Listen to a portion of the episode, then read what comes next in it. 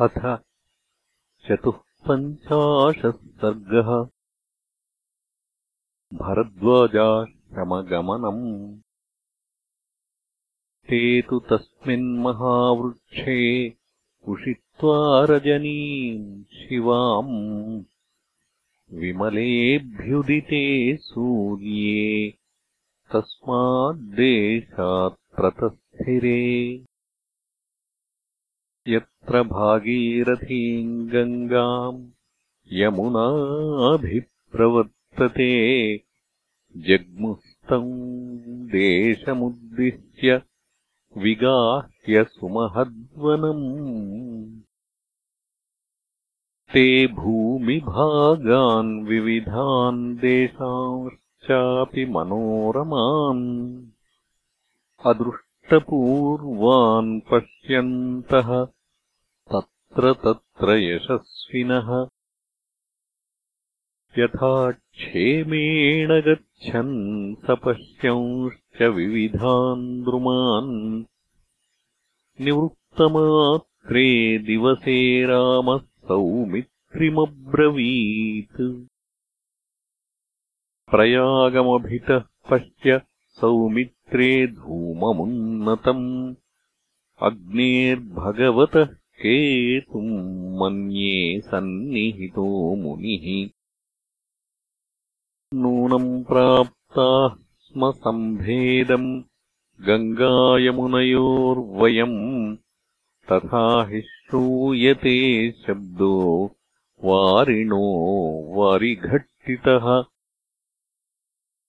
दारूणि परिभिन्नानि वनजैरुपजीविभिः भरद्वाजाश्रमे चैते दृश्यन्ते विविधाद्रुमाः। धन्विनौ तौ सुखम् गत्वा लम्बमाने दिवाकरे गङ्गायमुनयोः सन्धौ प्रापतुर्निलयम् मुनेः। रामस्त्वाश्रममासाद्यत् त्रासयन् मृगपक्षिणः गत्वा मुहूर्तमध्वानम् भरद्वाजमुपागमत्। ततस्त्वाश्रममासाद्यमुनेर्दर्शनकाङ्क्षिणौ सीतयानुगतौ वीरौ दूरादेवावतस्थतुः प्रविश्य महात्मानम् ऋषिम् शिष्यगणैर्वृतम्। संशितौ रतमेकाग्रम् तपसालब्धचक्षुषम्। हुताग्निहोत्रम् दृष्ट्वैव महाभागम् कृताञ्जलिः। रामः सौमित्रिणा सार्धम् सीतया चाभ्यवादयत्। न्यवेदयत चात्मानम् तस्मै लक्ष्मणपूर्वजः। पुत्रौ दशरथस्यावाम् भगवन् रामलक्ष्मणौ। भार्या ममेयम् वैदेही कल्याणी जनकात्मजा माम् चानुयाता विजनम् तपोवनमनिन्दिता। पित्रा प्रव्राज्यमानम् माम् सौमित्रिरनुजः प्रियः। अयमन्वगमद्भ्राता वनमेव दृढव्रतः। पित्रा नियुक्ता भगवन् प्रवेक्ष्यामः तपोवनम् धर्ममेव चरिष्यामः तत्र मूलफलाशनाः। तस्य तद्वचनम् श्रुत्वा राजपुत्रस्य धीमतः उपानयत धर्मात्मा गाम् अर्घ्यमुदकम् ततः। नानाविधानन्नरसान् वन्यमूलफलाश्रयान् तेभ्यो ददौ तप्ततपा वासम् चैवाभ्यकल्पयत्। मृगपक्षिभिरासीनो मुनिभिश्च समन्ततः। राममागतमभ्यर्च्य स्वागतेनाहतम् मुनिः। प्रतिगृह्य च तामर्चाम् उपविष्टम् स राघवम् भरद्वाजोऽब्रवीद्वाक्यम् धर्मयुक्तमिदम् तदा। चिरस्य खलु काकुत्स्थ पश्यामि त्वामिहागतम्। श्रुतम् तव मया चेदम् विवासनमकारणम् अवकाशो विविक्तोऽयम् महानद्योः समागमे। पुण्यश्च रमणीयश्च वसत्विह भवान् सुखम्।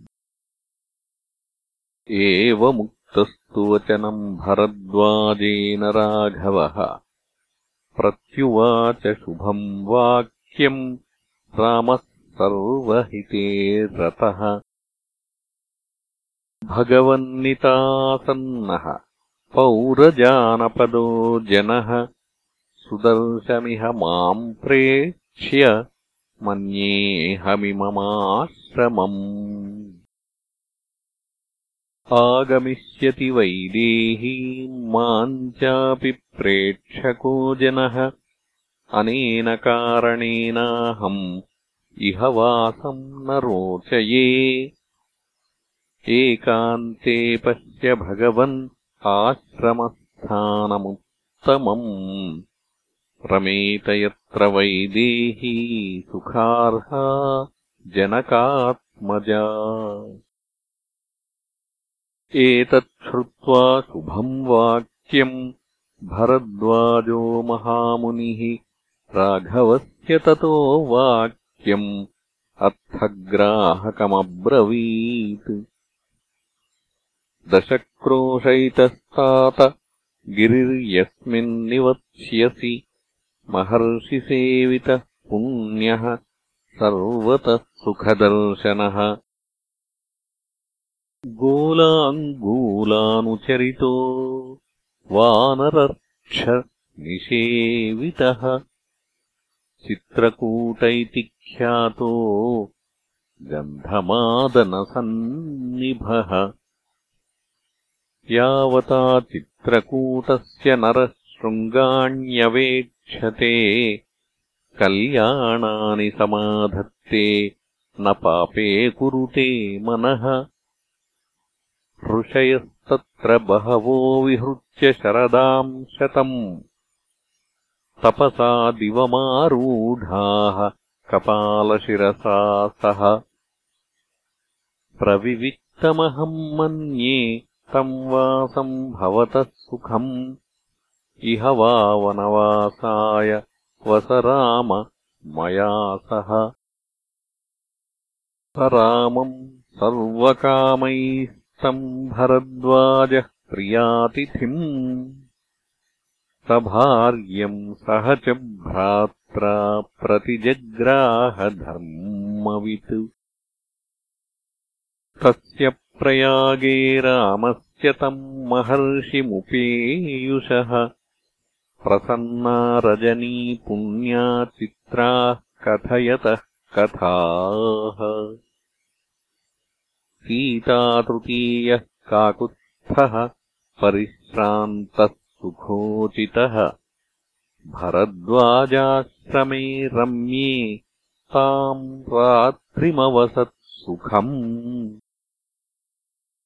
प्रभातायाम् रजन्याम् तु भरद्वाजमुपागमत्। उवाच नरशार्दूलो मुनिम् ज्वलिततेजसम्। शर्वरीम् भगवन्नद्य सत्यशील तव आश्रमे उषिताः स्मेहवसतिम् अनुजानातु नो भवान्।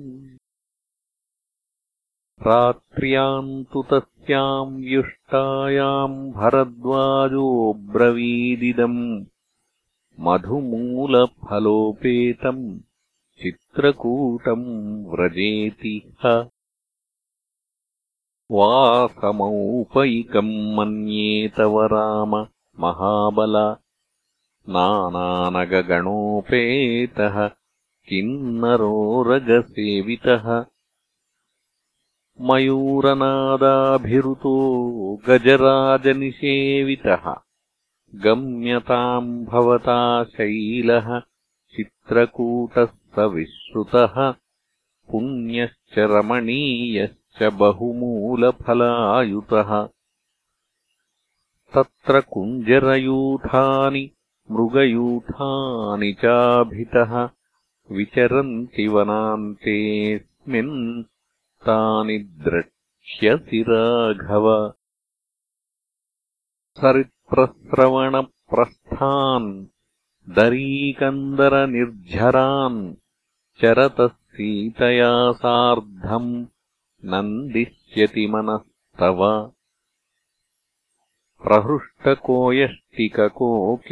प्रहृष्टकोयष्टिककोकिलस्वनैः निनादितम् तम् वसुधाधरम् शिवम्।